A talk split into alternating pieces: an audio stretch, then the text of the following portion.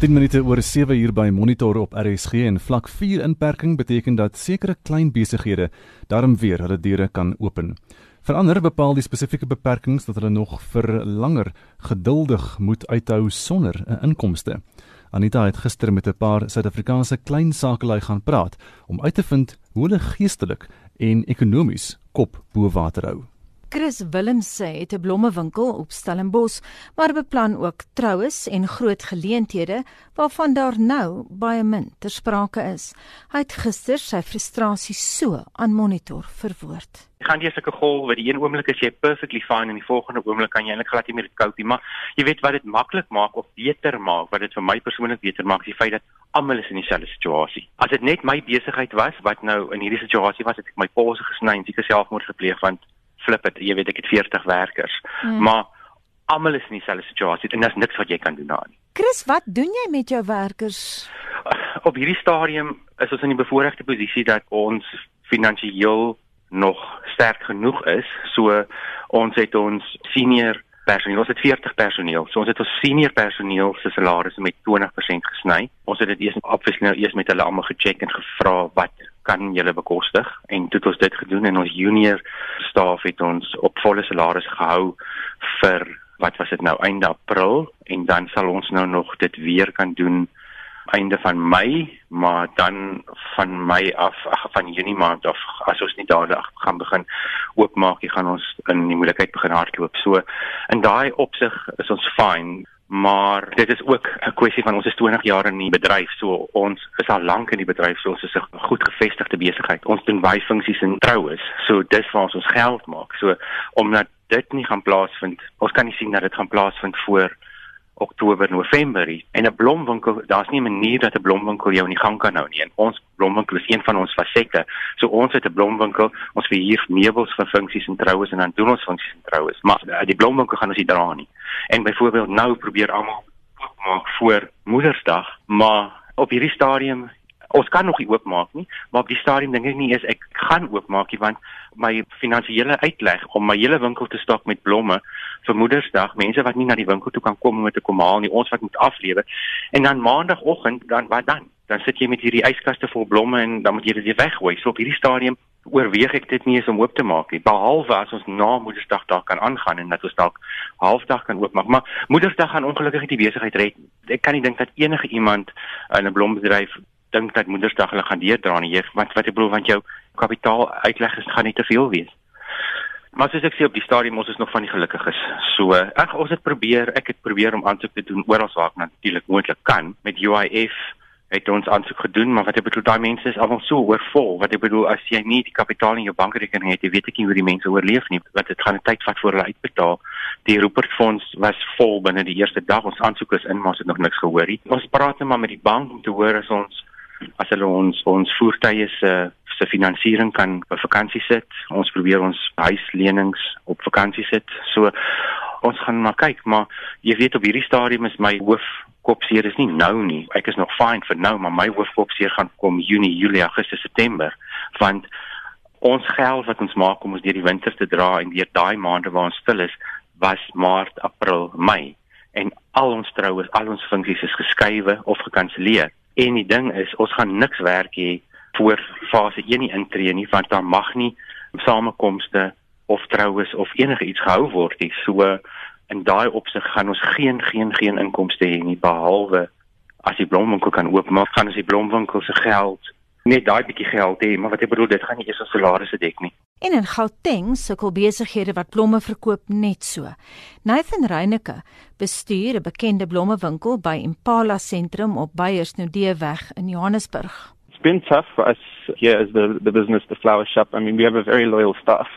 Some of our staff members have been on for up to 20 years. Just before lockdown, when, you know, we had to have a meeting and announce to them that tough times are coming and that when we do come back, we'll be on short staff, which may mean salary uh, cuts and stuff like that. So, I mean, there was some very tough conversations to have, but we took in less stock long beforehand. We cut down on things like we have a DSTV playing on a screen in the shop here. We got rid of that. We just started saving as much as we could before the time came. We were kind of prepared for the tough time before it got here. So we managed to give our staff a full salary during the lockdown.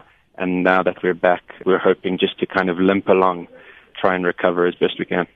Reineke is vol lof vir die gulhartige samewerking wat die oorhoofse Reus Johannesburgse blommemark aan die kleiner verskaffers gee. They've been great even in that, you know, the first 10 trolleys up for auction every day go to the proceeds go to a donation.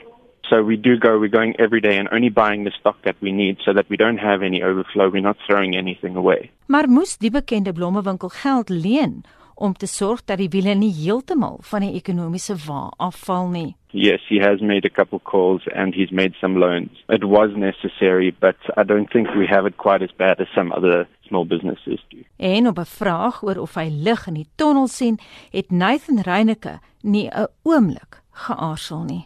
Absolutely. We were open on Friday. Saturday was actually a really good day for us, and we all found it quite encouraging. If we can have a day like Saturday every day, we'll be fine. And are you wearing protective gear? Absolutely. We contacted a small local business called Sunstruck Clothing. They're making masks for us at 50 Rand each, and we bought two for each of our staff members so that each day they can wash one and wear one and cycle through them like that. En dit dan die bestuurder van 'n bekende blommewinkel in Johannesburg, Nathan Reyneke, wat gister met Anita gepraat het. Daar heers wyd verspreide kommer oor die regering se planne om die voorsiening van kospakkies te sentraliseer. Gauteng se departement van maatskaplike ontwikkeling het in 'n beleidsriglyn versoek dat die departement voortaan alle skenkings sal ontvang en versprei. Sommige van die ander provinsies het soortgelyke riglyne daargestel, onder meer dat organisasies permitte moet hê om kos aan armes te voorsien. Die welsynsorganisasie Solidariteit Helpende Hand sê hulle is gereed om die saak in die hof te beveg. Esie de Klerk het meer. Hongersnood in die land sal vererger as die regering sou voortgaan om beheer te probeer uitoefen dat alle hulp ten opsigte van die verspreiding van kos sentraal bestuur moet word.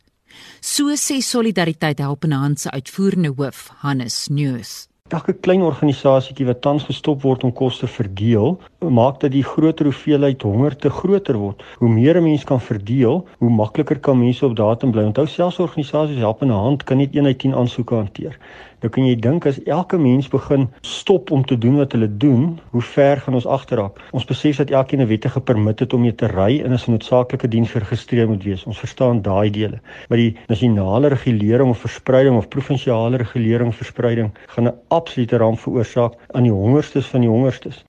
Welsynsorganisasies en individue in Gauteng, die Wes-Kaap en KwaZulu-Natal is deur wetstoepassingsowerhede in hul spore gestuit toe hulle kospakkies aan behoeftiges wou oorhandig. Solidariteit help in hand se grootste kommer is dat die regering permitte belangriker ag as hongersnood.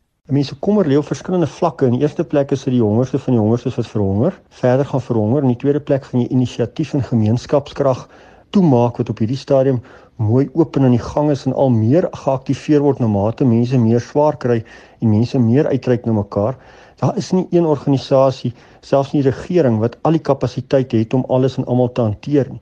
En daarom moet gemeenskapskrag nou onderdruk word nie. So dis 'n volgende bekommernis. Die heel grootste bekommernis is egter as 'n regering daardie magsmisbruik homself toeëien en so op so 'n wyse 'n uh, kosverspreiding onmoontlik maak.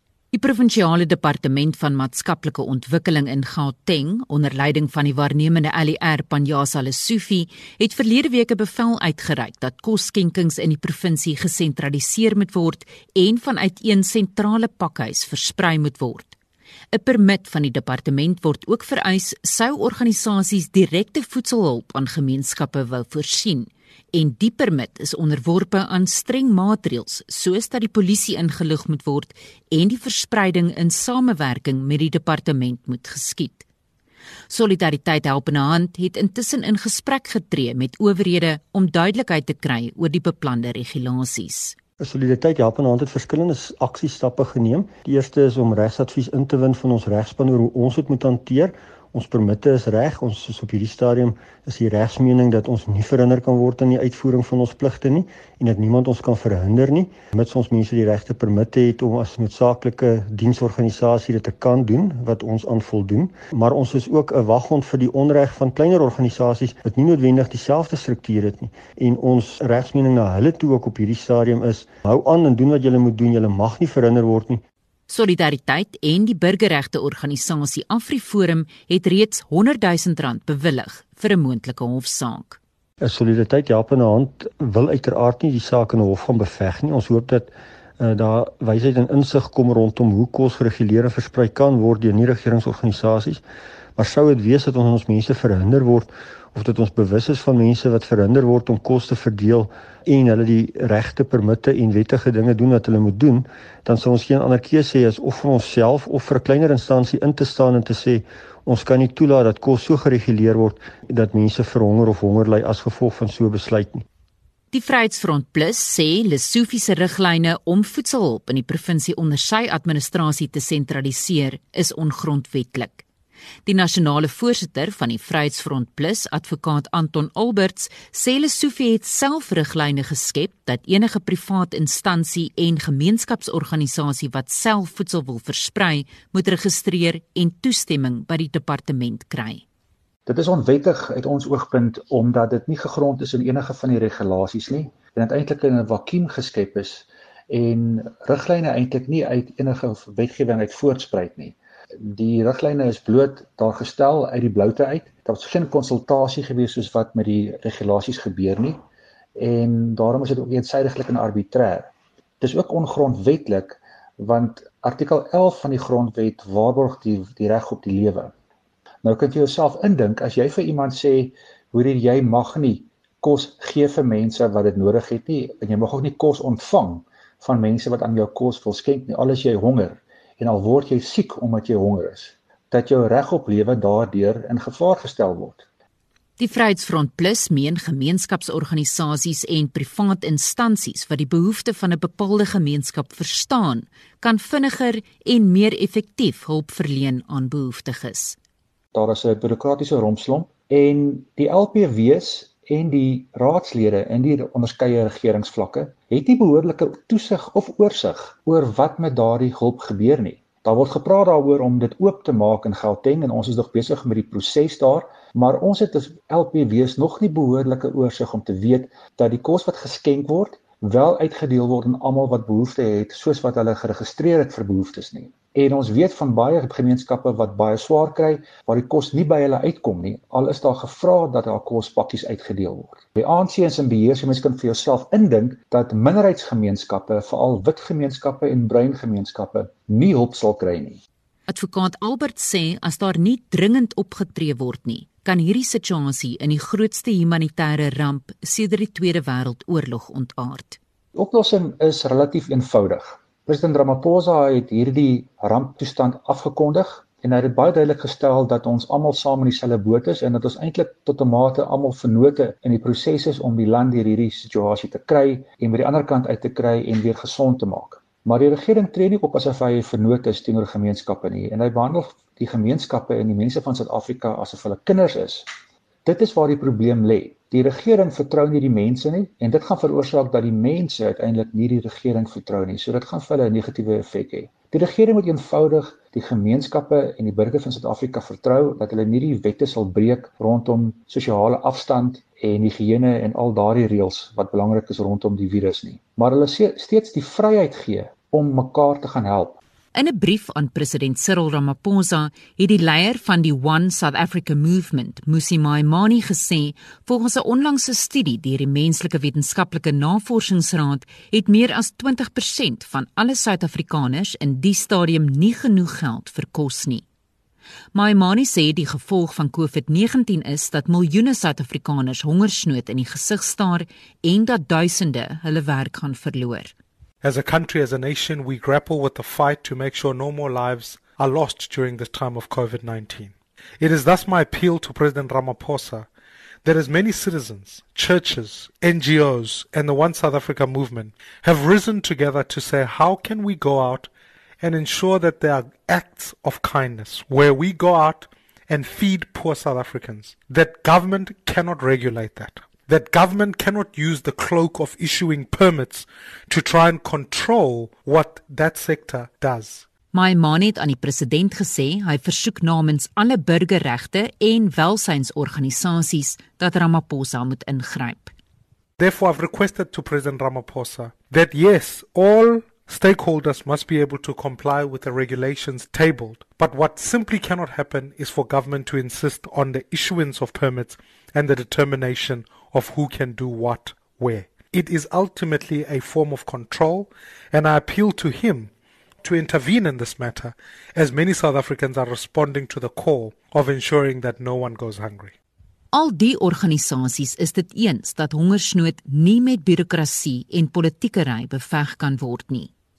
Die woordvoerder van die Nasionale Departement van Samewerkende Regering en Tradisionele Sake, Lungi Mchali, sê dit is die verantwoordelikheid van die Departement van Maatskaplike Ontwikkeling om voedsel te versprei.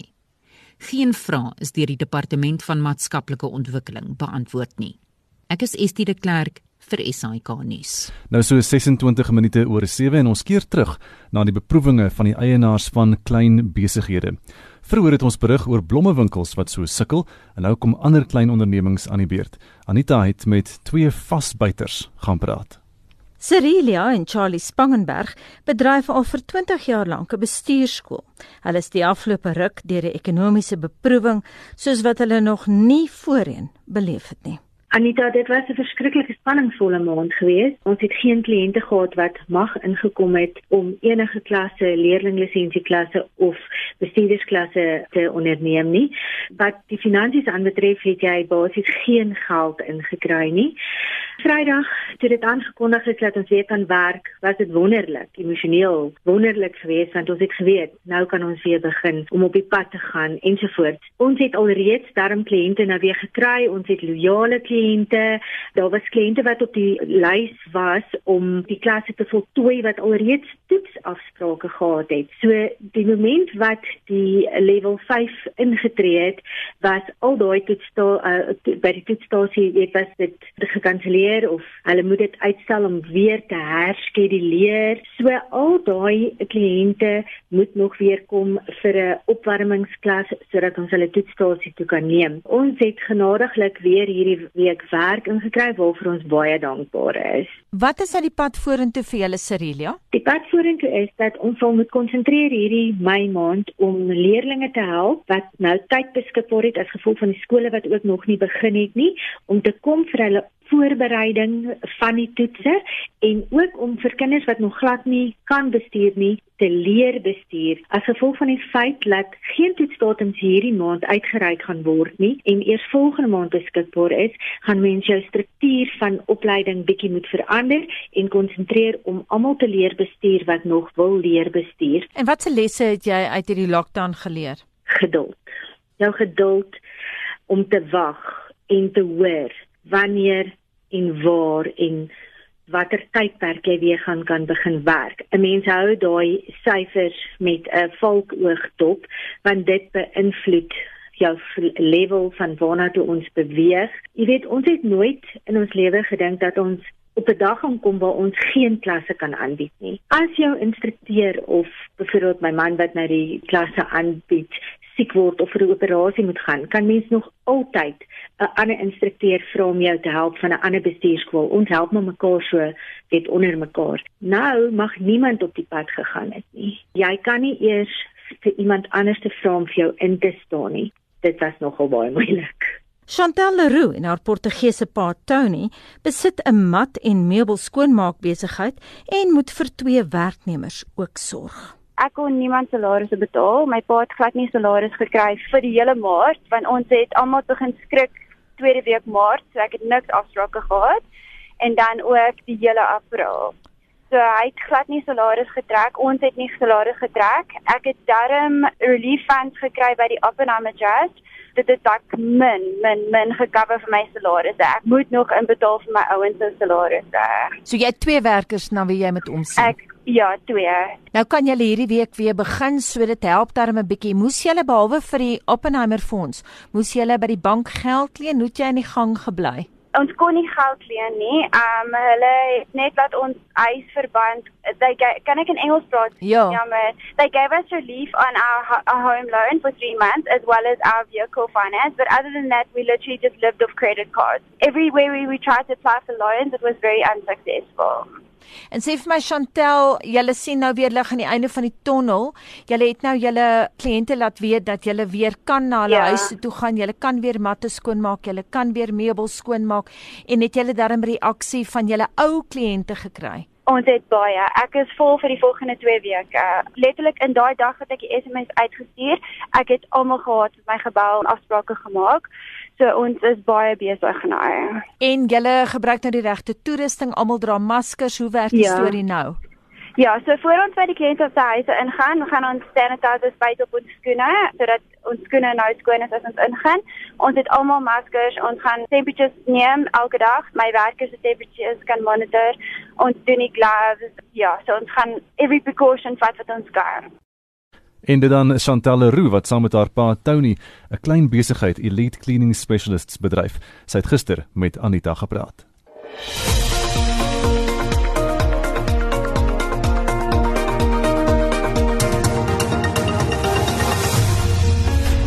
Dis nou 27 minute voor 8 uur by Monitor op RSG en Vincent het die terugvoer wins.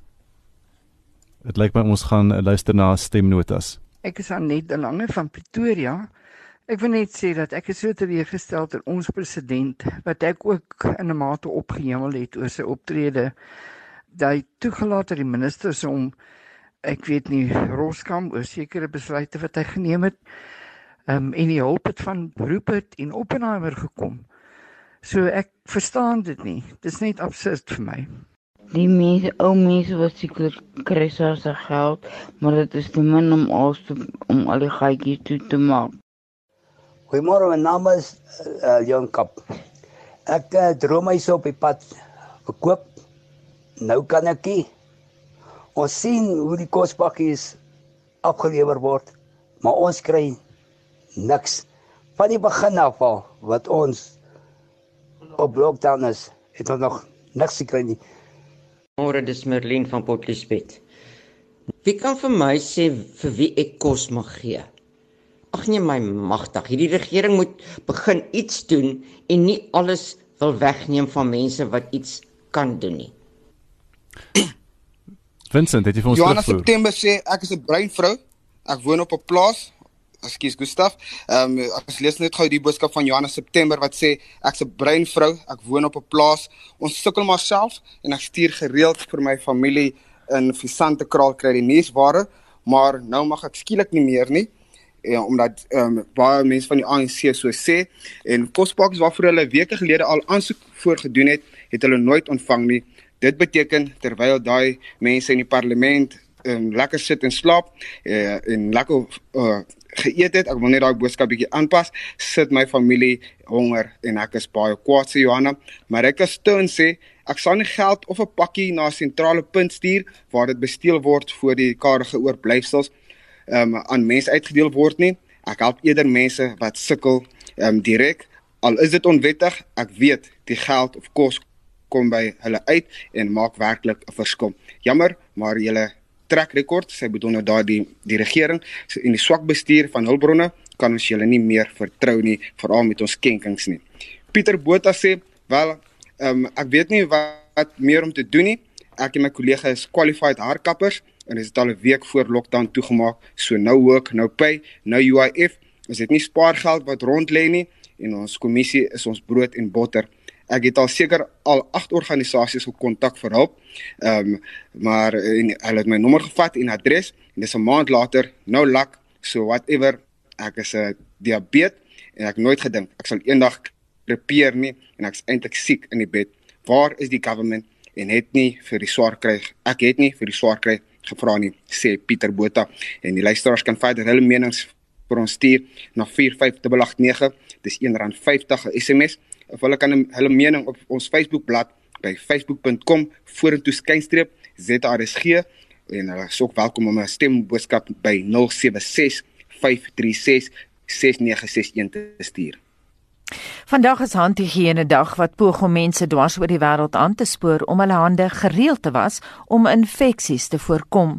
Van die jaar se tema is spaar lewens, was jou hande. Die woordvoerder van die maatskappy Pharmacodynamics, Nicole Jennings, sê die maatskappy het 'n aanlyn studie voor die COVID-19 uitbreking het hulle bevind dat min mense hulle hande gereeld was. Dis 'n aanlyn opname wat ons onder ongeveer 2000 Suid-Afrikaners gedoen het en ons het gevind dat slegs 6 uit 10 Suid-Afrikaners sê dat hulle hulle hande gereeld was. Ehm um, dan is daar ook 'n Amerikaanse uh, studie wat aangepak is deur die Amerikaanse Joernaal van Tropiese Medisyne en Higiëne tussen 2010 en 2013 en hulle het gekyk na handwaspraktyke in 51 verskillende lande en ook bevind dat slegs 19% van mense hulle hande was nadat hulle die badkamer besoek het en die studie het beweer dat dit lei tot die onnodige sterfte van 1.6 miljoen kinders onder 5 jarige ouderdom aan longontsteking en diarree. Ek dink dit is net jy weet weer eens kan die klem daar geplaas raak op hoe belangrike rol dit speel om goeie handhigiëne te handhaaf in die voorkoming van um, virale en bakterieële infeksie. Ja, maar dis nie altyd so maklik in arm gebiede nie, net daar's nie altyd water beskikbaar nie dit is 'n baie baie groot probleem en soos jy noem veral in arm gebiede en in waarvan ons baie in Suid-Afrika het, is toegang tot lopende skoon water en seep 'n helse groot probleem. En jy weet statistieke toon oor die algemeen dat mense hande gereeld was met warm seepwater, lugweginfeksies tot ongeveer 21% kan verminder en maagvirusse tussen 23 en 40%. So ek dink waar mens kan help, veral nou op handhigiëne dag moet um, maatskappye en mense wat in 'n posisie is waar hulle kan help, regtig probeer om 'n uh, eh, verskil te maak in arm gebiede, veral nou met die COVID-19 virus. Die virus staan bekend as wat hulle noem 'n omhulde virus en dit is essensieel 'n virus wat deur 'n vetlaagie beskerm word en daarom is dit so effektief om mense hande vir ten minste 20 sekondes te skrob en te was met seeperige water want dit los die vetlaagie op en mens kan dan die virus heeltemal vernietig. En so sê Nicole Jennings, sy is woordvoerder van die maatskappy Pharmacodynamics en sy het met Mitsi van der Merwe gepraat. Dis nou so 21 minute voor 8 en wêreldwyd is daar nou reeds meer as 251 000 mense dood aan COVID-19. Die aantal bevestigde gevalle het die 3,5 miljoen kerf verbygesteek en sowat 1,2 miljoen mense het herstel. Intussen skiet Amerika se skuldlas die hoogte in met 'n rekord pandemie verwante lening van 3 biljoen, oftewel 1000 miljard Amerikaanse dollar. Ja, Gustav, en daardie 1000 miljard verwys na die Engelse triljoen. Skakel mense dit om na rand, beloop dit so wat 55,4 duisend miljard rand.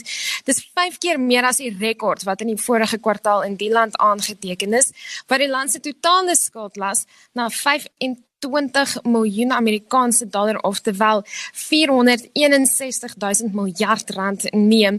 Nou die geld word in die land se COVID-19 noodfonds gebruik. Intelligensie wat bekom is deur die sogenaamde Five Eyes koalisie toon intussen dat COVID-19 se oorsprong nie in 'n laboratorium in China lê nie. Die koalisie bestaan uit Amerika, Brittanje, Kanada, Australië en Nieu-Seeland. Nou die lande deel 'n breë spektrum intelligensie en word beskou as een van die wêreld se digste multilaterale ooreenkomste. President Donald Trump van Amerika en sy minister van buitelandse sake, Mike Pompeo, hou egter vol dat die virus in 'n laboratorium ontstaan het. Hier's wat Pompeo in 'n onderhoud met die Amerikaanse nuusprogram ABC gesê het. The intelligence committee continues to do its work. They should continue to do that and verify so that we are certain. I can tell you that there is a significant amount of evidence that this came from that laboratory in Wuhan. Look, the best experts so far seem to think it was man made. I have no reason to disbelieve that at this point. The scientific consensus was not man made or genetically modified. That's right. I, I agree with that. Yeah, I, have seen, I've seen their analysis. I've seen the summary that you saw that was released publicly. I have no reason to doubt that that is accurate at this point. Okay, so just to be clear, you do not think it was man made or genetically modified? I've seen what the Intelligence Committee has said. I have no reason to believe that they've got it wrong. En dit was die Amerikaanse minister van buitelandse sake Mike Pompeo. China het teruggekap deur te sê dat die aantuigings ongegrond is en dat Pompeo sy morele kampus of eerder kompas verloor het. Nou, wêreldleiers het gisterand tydens 'n aanlyn beraad met die EU ooreengekom om 'n bedrag van 147 miljard rand te wy aan die internasionale stryd teen COVID-19. En die EU-kommissie se president Ursula von der Leyen waarsku egter dat 'n groter bedrag in die nabye toekoms nodig gaan wees. Minstens 30 VN-lidlande as ook filantropiese organisasies en navorsingsinstituie het bygedra tot die bedrag. Nieu-Seeland is intussen op dag 2 van geen nuwe COVID-19 gevalle wat aangemeld is nie. En dit volg op die verslapping van inperkingsregulasies in die land. Samesprekings word nou met Australië gehou oor die moontlike beperkte heropening van grense tussen die lande. Italië wat die ergste deur die virus getref is in Europa, is een van die eerstes in die um, gebied wat nou gaan begin om inperkingsmaatreëls stelselmatig te verslap. Premier Giuseppe Conte sê die proses sal uiters stadig en baie versigtig plaasvind. Hy ontvang egter kritiek van sakelyn die oppositie, maar sy openbare beeld het 'n hupstoot ontvang. En ons verskuif dan die aandag na Frankryk waar inligting toon dat die eerste geval van COVID-19 reeds in Desember in die land aangeteken is in plaas van Januarie. Ja, 'n 50-jarige man wat op 27 Desember 2019 met longontsteking gediagnoseer is, het al die tyd COVID-19 onderlede gehad. Hy sê dit nou herstel. Nou 'n spietumtoets wat geneem is, is weer getoets en bevat die virus, maar hoe hy die siekte opgedoen het, bly 'n raaisel want hy het glad nie oor see gereis nie. En dit dan Marlene Forsie met vanoggend se wêreldnuus. Die tuinbedryf van die Wesrand het 'n nuwensgewende organisasie, Together We Bloom, gestig wat bestaande projekte ondersteun wat kos aan honger Suid-Afrikaners verskaf. Die gedagte het ontstaan toe 'n kweker van binnenshuise plante na die aankondiging van die Grendelstaat met twee kweekhuise vol orgidee in volle blom gesit het. Die blomme is onder meer aan aftreeoorde geskenk. Die direkteur in beheer van die fonds by Together We Bloom, Stefan Zili, sê die blomme het nuwe hoop gebring. Ek kan nie meer verduidelik nie. Uh dit was aan die een kant hartseer geweest want met Moedersdag wat nou nader kom, besef 'n mens kan seker by ander plekke ook uitkom, maar ja, toe ons dit nou eers kon gaan aflewer het by die ouer huise, dan gaan die mense oop weer oop en jy besef maar uh, dit het dalk 'n ander doel gehad. So uh, ja, daar's seker baie baie baie mooi klomp blomme gewees en op die mark ook. Ons het mos nou Vrydag oggend wat die blommemark hier in Johannesburg Multiflora oopgemaak onder uh, vlak 4 en was daar dan al hierdie blomme wat beskikbaar was. So ons het so 103000 rand kon insamel. Die tuinbedryf was regtig uh, hulle kan gebring en verskriklike mooi blomme. Dit is weer lekker om kleur te kan sien nadat 'n mens so lank bietjie op jou eie was. Wie bevoordeel julle? Hoe is julle betrokke by watter projekte? Ons het nou maar begin in ons onmiddellike omgewing hier aan die Wesrand, Kreersdorp se omgewing het ons so vier organisasies geïdentifiseer wat Together We Bloom as 'n fonds gaan ondersteun.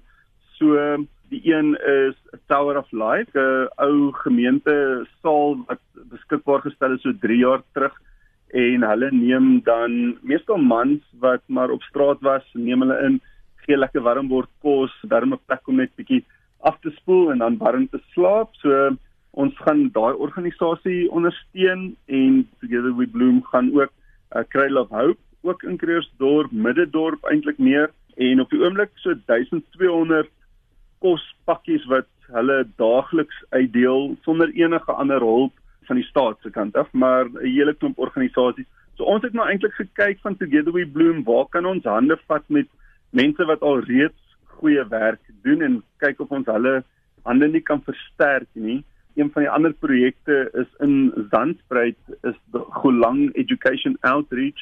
Nou dis 'n voorskool maar natuurlik nou gesluit tydens hierdie tydperk, maar ons ondersteun daar so 60 kindertjies se uh, ouers, gesinne wat ons op die oomblik probeer ondersteun en hierdie fondse gaan ook daarvoor gaan.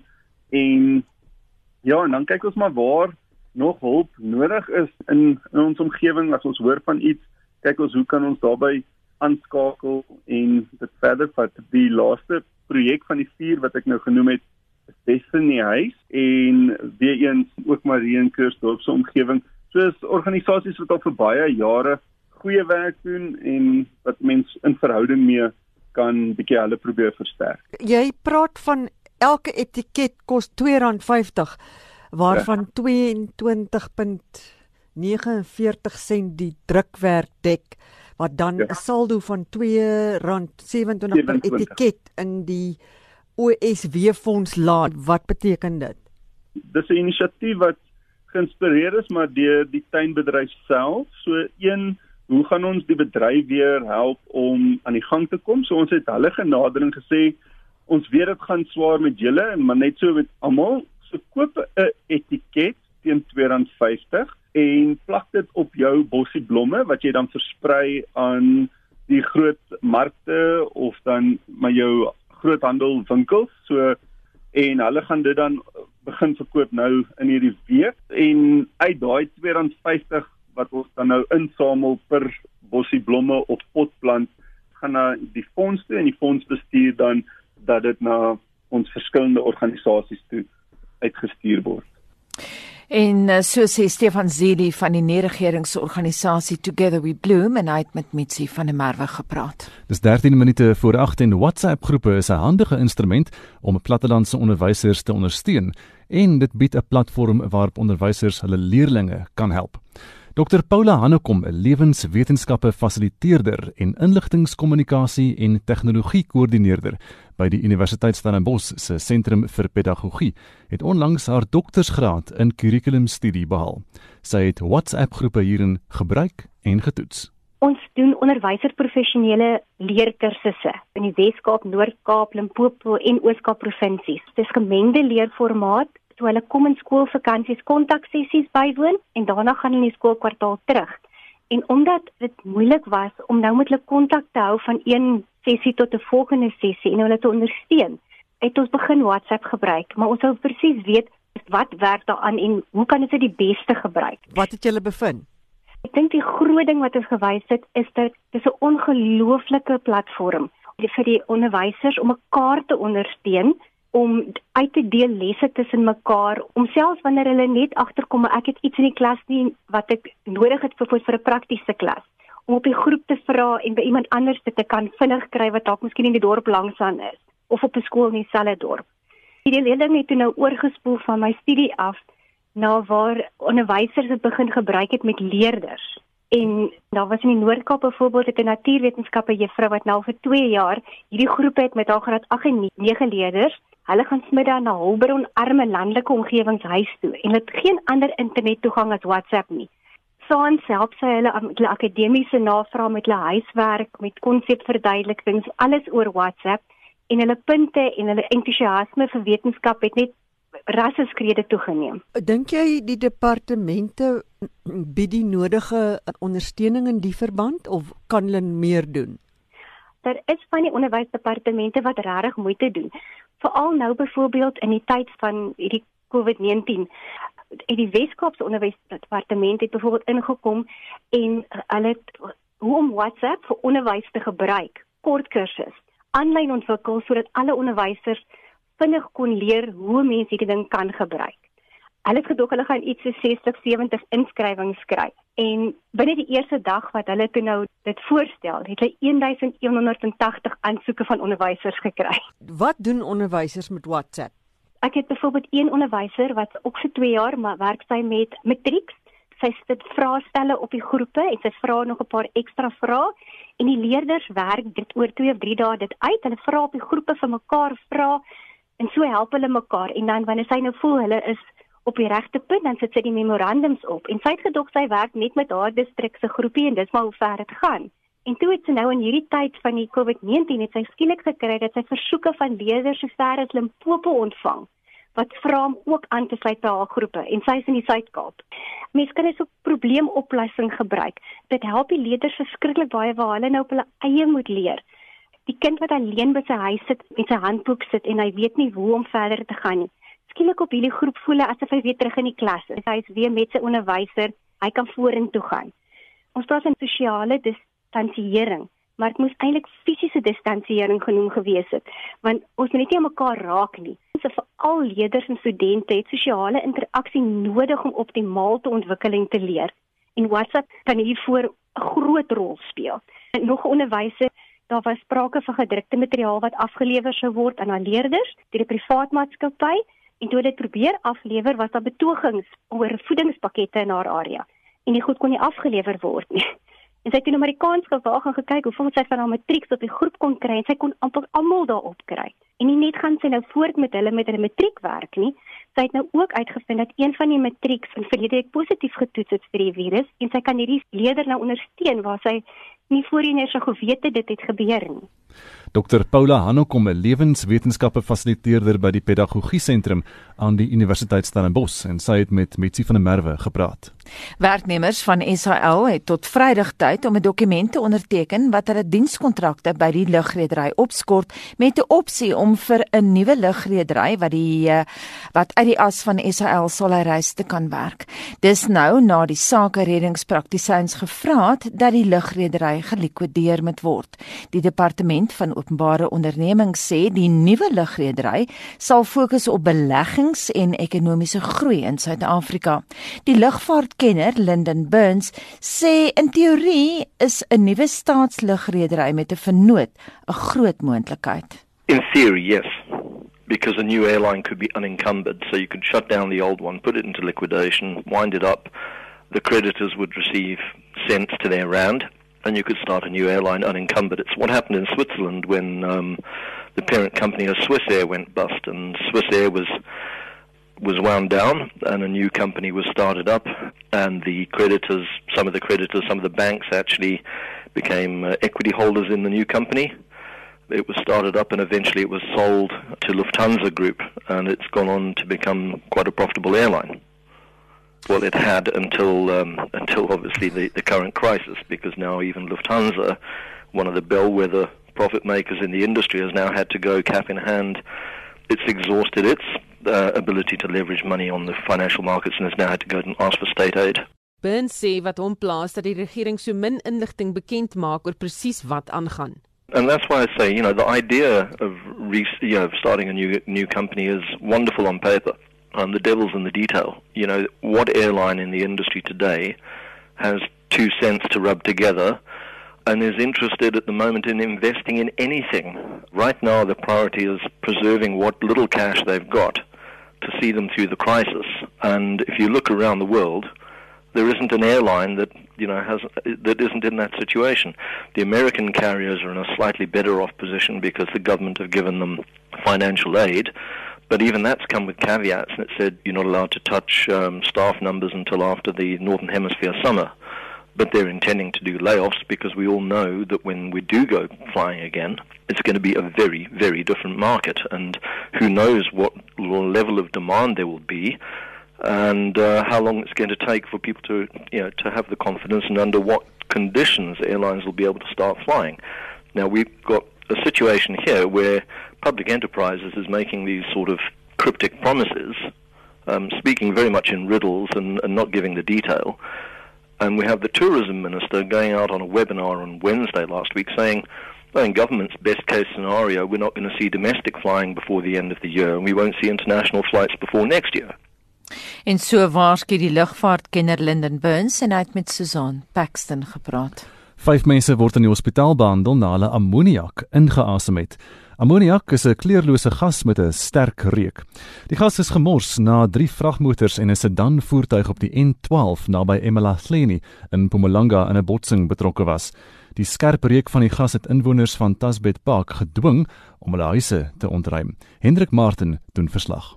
Die N12 tussen Witbank en Johannesburg is 5 ure lank gesluit terwyl nooddienspersoneel die chemikalie probeer neutraliseer het. Die uitvoerende burgemeester van Emalahleni, Lina Malachi, sê inwoners wat naby die ongelukstoneel woon, moes hulle huise verlaat. It was very early hours in the morning around 12 o'clock, 1 o'clock and when we call communities at times they are fast asleep but want to confirm that the police assisted us to also do the knock the knock and drop and requested communities to evacuate their homes because the smell was coming a bit harsh into the families. Fortunately, we've got a service providers that are dealing with the spillages. They've already identified areas where the spillage has been pushed to because it's a liquid. So the area that is affected, it's not um, the water system that is used by our communities. So they are trying to curb that smell. And uh, we appreciate that uh, the system currently is not affected, and the drinking water by communities it is not affected. Twee vragmotorbestuurders en drie persone in die sedan is hospitaal toegeneem. Mpumalanga se LER vir veiligheid en sekuriteit, Kapsile Shabalala, vermoed dat een van die vragmotors wou verbysteek toe die ongeluk gebeur het. The other truck was trying to overtake. The swap crash happened and that led to the um, the spillage of the, the the collision led to the spillage of the ammonia which was very dangerous as I've said. But I must indicate that the sedan that was carrying uh, that was drive, driven by a woman, they were affected by the, the inhaling of the, the, the, the, the, the smoke, as well as two drivers, which led to five people who were taken to hospital. Die padowerhede waarsku vragmotors om die nodige volgafstand te handhaaf en om by die spoedbeperking te hou om ongelukke te voorkom. Hierdie bydra van Motsebi wa Monareng in Witbank en ek is Hendrik Martin vir SAK nuus. Vincent, die bal is in jou baan. Kom ons luister na ons lekker stemnotas Anita. Dis nie lekker as mense aan honger ly nie en nog minder lekker of erger as jy nie kan help nie. Ek stem saam om in hierdie tyd van inperking en 'n noodtoestand om mense te help wat behoeftig is en nie so seer regtig behoeftig nie, maar wat honger is, want jy wat nog nooit in jou lewe honger en koud gaan slaap het nie, sal nooit weet wat dit is en hoe dit voel om regtig honger te wees nie. Daarom sover dit vir my moontlik is, sal ek enige tyd enige iemand help. Maak nie saak wat die velkleur is nie. Ek is beskuiter. Ek wil net sê dat ek dink nie dit is baie snaaks oor hierdie kos storie nie want wil hulle hê ons mense moet van die virus doodgaan of van honger doodgaan? En nou wil hulle nog van ons kriminele maak en dan wil hulle ons toesluit. So ek wil nou net weet mag ouers nou nie eers meer vir hulle kinders kos vat nie? Plaas dat hulle die kospakkies aan die kerke aan elke provinsie en elke dorp en uh gee dat die kerke dit regmatig uitdeel. Nou word dit vir die um government gegee. Hoeveel van daai kospakkies gaan in hulle sakke in en hoeveel kom regtig waar by die armes van die armes uit? Ek het self familie wat bitter swaar kry wat nie eens gehelp is of gehelp word nie want die telefone word nie geantwoord nie. Baie dankie dat julle almal saamgesels het. Tot môre toe. Marlene hoe lyk die dagboek vir Spectrum later vandag Die kommissaris van die Suid-Afrikaanse Inkomstediens hou 'n media-konferensie oor die instelling se inkomste vooruitsigte onder COVID-19. Die DEA gaan inligting bekendstel oor burgerlike onrus en hongersnood wat verband hou met inperkingsregulasies en volgens een aanlyn meningsopname probeer min mense om tydens die COVID-19 afsonderingstydperk op te hou rook. Hulle wendel glo tot die swartmark om die gewoonte vol te hou. Ons groet namens ons waarnemende uitvoerende regisseur Wessel Pretorius. Die redakteur vir oggend was Jean Esterhuizen, ons produksieregisseur Daitron Godfrey en my naam is Anita Visser. Bly ingeskakel by RSG vir praat saam volgende met Lenet Fransis Puren. Ek is Gustaf Vreiding. Mooi bly tot môreoggend om 6:00.